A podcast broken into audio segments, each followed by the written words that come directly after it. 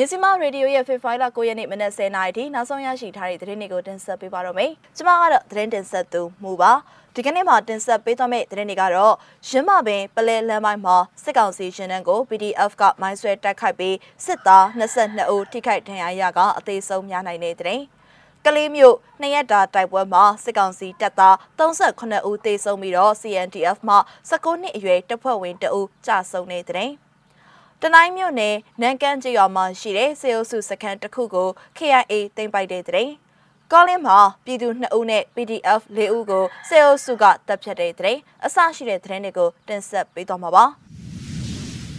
ဦးဆောင်တဲ့အနေနဲ့ရမပေပလဲလမ်းပိုင်းမှာစစ်ကောင်စီရှင်တန်းကို PDF ကမိုင်းဆွဲတိုက်ခိုက်ပြီးစစ်သား22ဦးထိခိုက်ဒဏ်ရာရကအသေးဆုံးများနိုင်တဲ့သတင်းကိုတင်ဆက်ပေးကြပါမယ်။စကိုင်းတိုင်းရင်းမာပင်ပလဲလမ်းပိုင်းမှာမနေ့ကနေ့လယ်ကစစ်ကောင်စီရင်နှန်းကို PDF ကမိုင်းဆွဲတိုက်ခိုက်ပြီးတော့စစ်သား22ဦးထိခိုက်ဒဏ်ရာရရှိပြီးအသေးဆုံးများနိုင်ကြောင်းချင်းတွင်းဂလုံရစာအဖွဲ့ကသတင်းထုတ်ပြန်ထားပါတယ်။အဲဒီတိုက်ခိုက်မှုမှာ CGYDF နဲ့ရင်းမာပင် Local PDF, MDOF, 222, SRDF, SPDF စလင်းကြီးတကူတော်သူဘရာစာတို့ပူးပေါင်းပြီးတော့မိုင်း25လုံးပြောင်းတိုက်16လုံးနဲ့တိုက်ခိုက်ခဲ့ခြင်းဖြစ်ကြောင်းသိရပါတယ်။စစ်ကောင်စီတပ်သား22ယောက်ဟာဒဏ်ရာပြင်းထန်ရရှိခဲ့ပေမဲ့လည်းညီနောင်မဟာမိတ်ရဲဘော်တွေအထိခိုက်မရှိအောင်မြင်စွာစုခွာနိုင်ခဲ့ကြောင်းလည်းသိရပါတယ်ရှင်။ဆက်လက်ပြီး ကလေးမျိုးနှစ်ရက်တာတိုက်ပွဲမှာစစ်ကောင်စီတပ်သား38ဦးသေဆုံးပြီး CNDF မှ19နှစ်အရွယ်တပ်ဖွဲ့ဝင်တအူကြဆုံးတဲ့တဲ့ရင်ကိုတင်ဆက်ပေးကြပါမယ်။ကလေးမှာဖေဖော်ဝါရီလ6ရက်နေ့နဲ့9ရက်နေ့တွေမှာထိတွေ့တိုက်ပွဲ၄ကြိမ်ဖြစ်ပွားခဲ့ပြီးတော့စစ်ကောင်စီတပ်သား38ဦးသေဆုံးက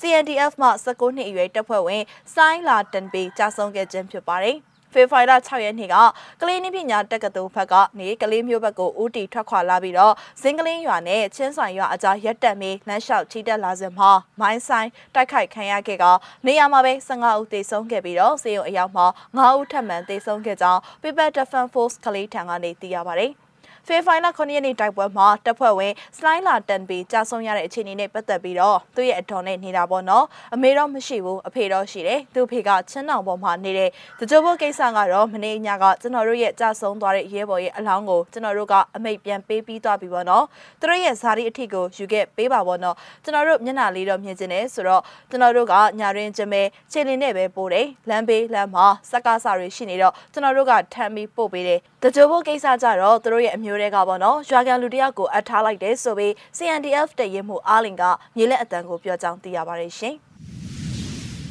ဆက်လက်ပြီး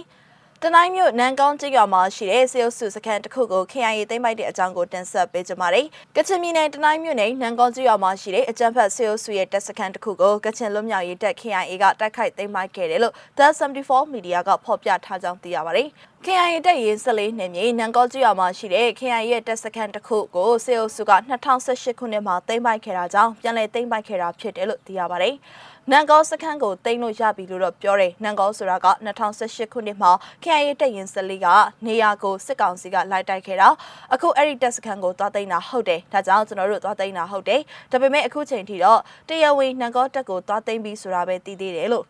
ကချင်လွတ်မြောက်ရေးတပ်သတင်းနဲ့ပြန်ကြားရေးတာဝန်ခံဗိုလ်မှူးကြီးနော်ဘူက The 74 Media ကိုဖြေကြားထားကြောင်းသိရပါတယ်။စခန်းတိုက်ပွဲအခြေအနေနဲ့ပတ်သက်ပြီးတော့အသေးစိတ်အချက်လက်တွေကိုတော့မသိရှိရသေးဘူးလို့သိရပါတယ်ရှင်။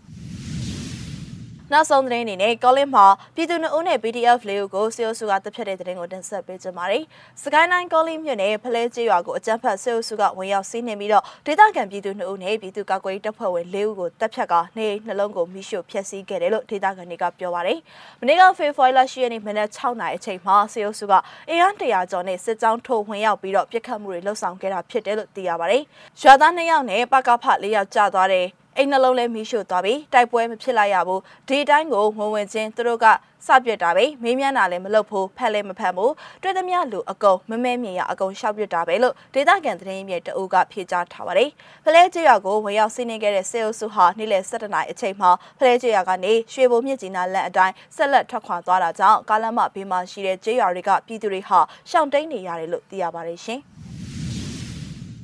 မြစီမရေဒီယိုရဲ့ဖေဖော်ဝါရီလ9ရက်နေ့မနက်10:00နာရီထိနောက်ဆုံးရရှိထားတဲ့သတင်းတွေကိုတင်ဆက်ပေးခဲ့တာပါ။နားဆင်ပေးခဲ့တဲ့အတွက်ကျေးဇူးတင်ပါတယ်ရှင်။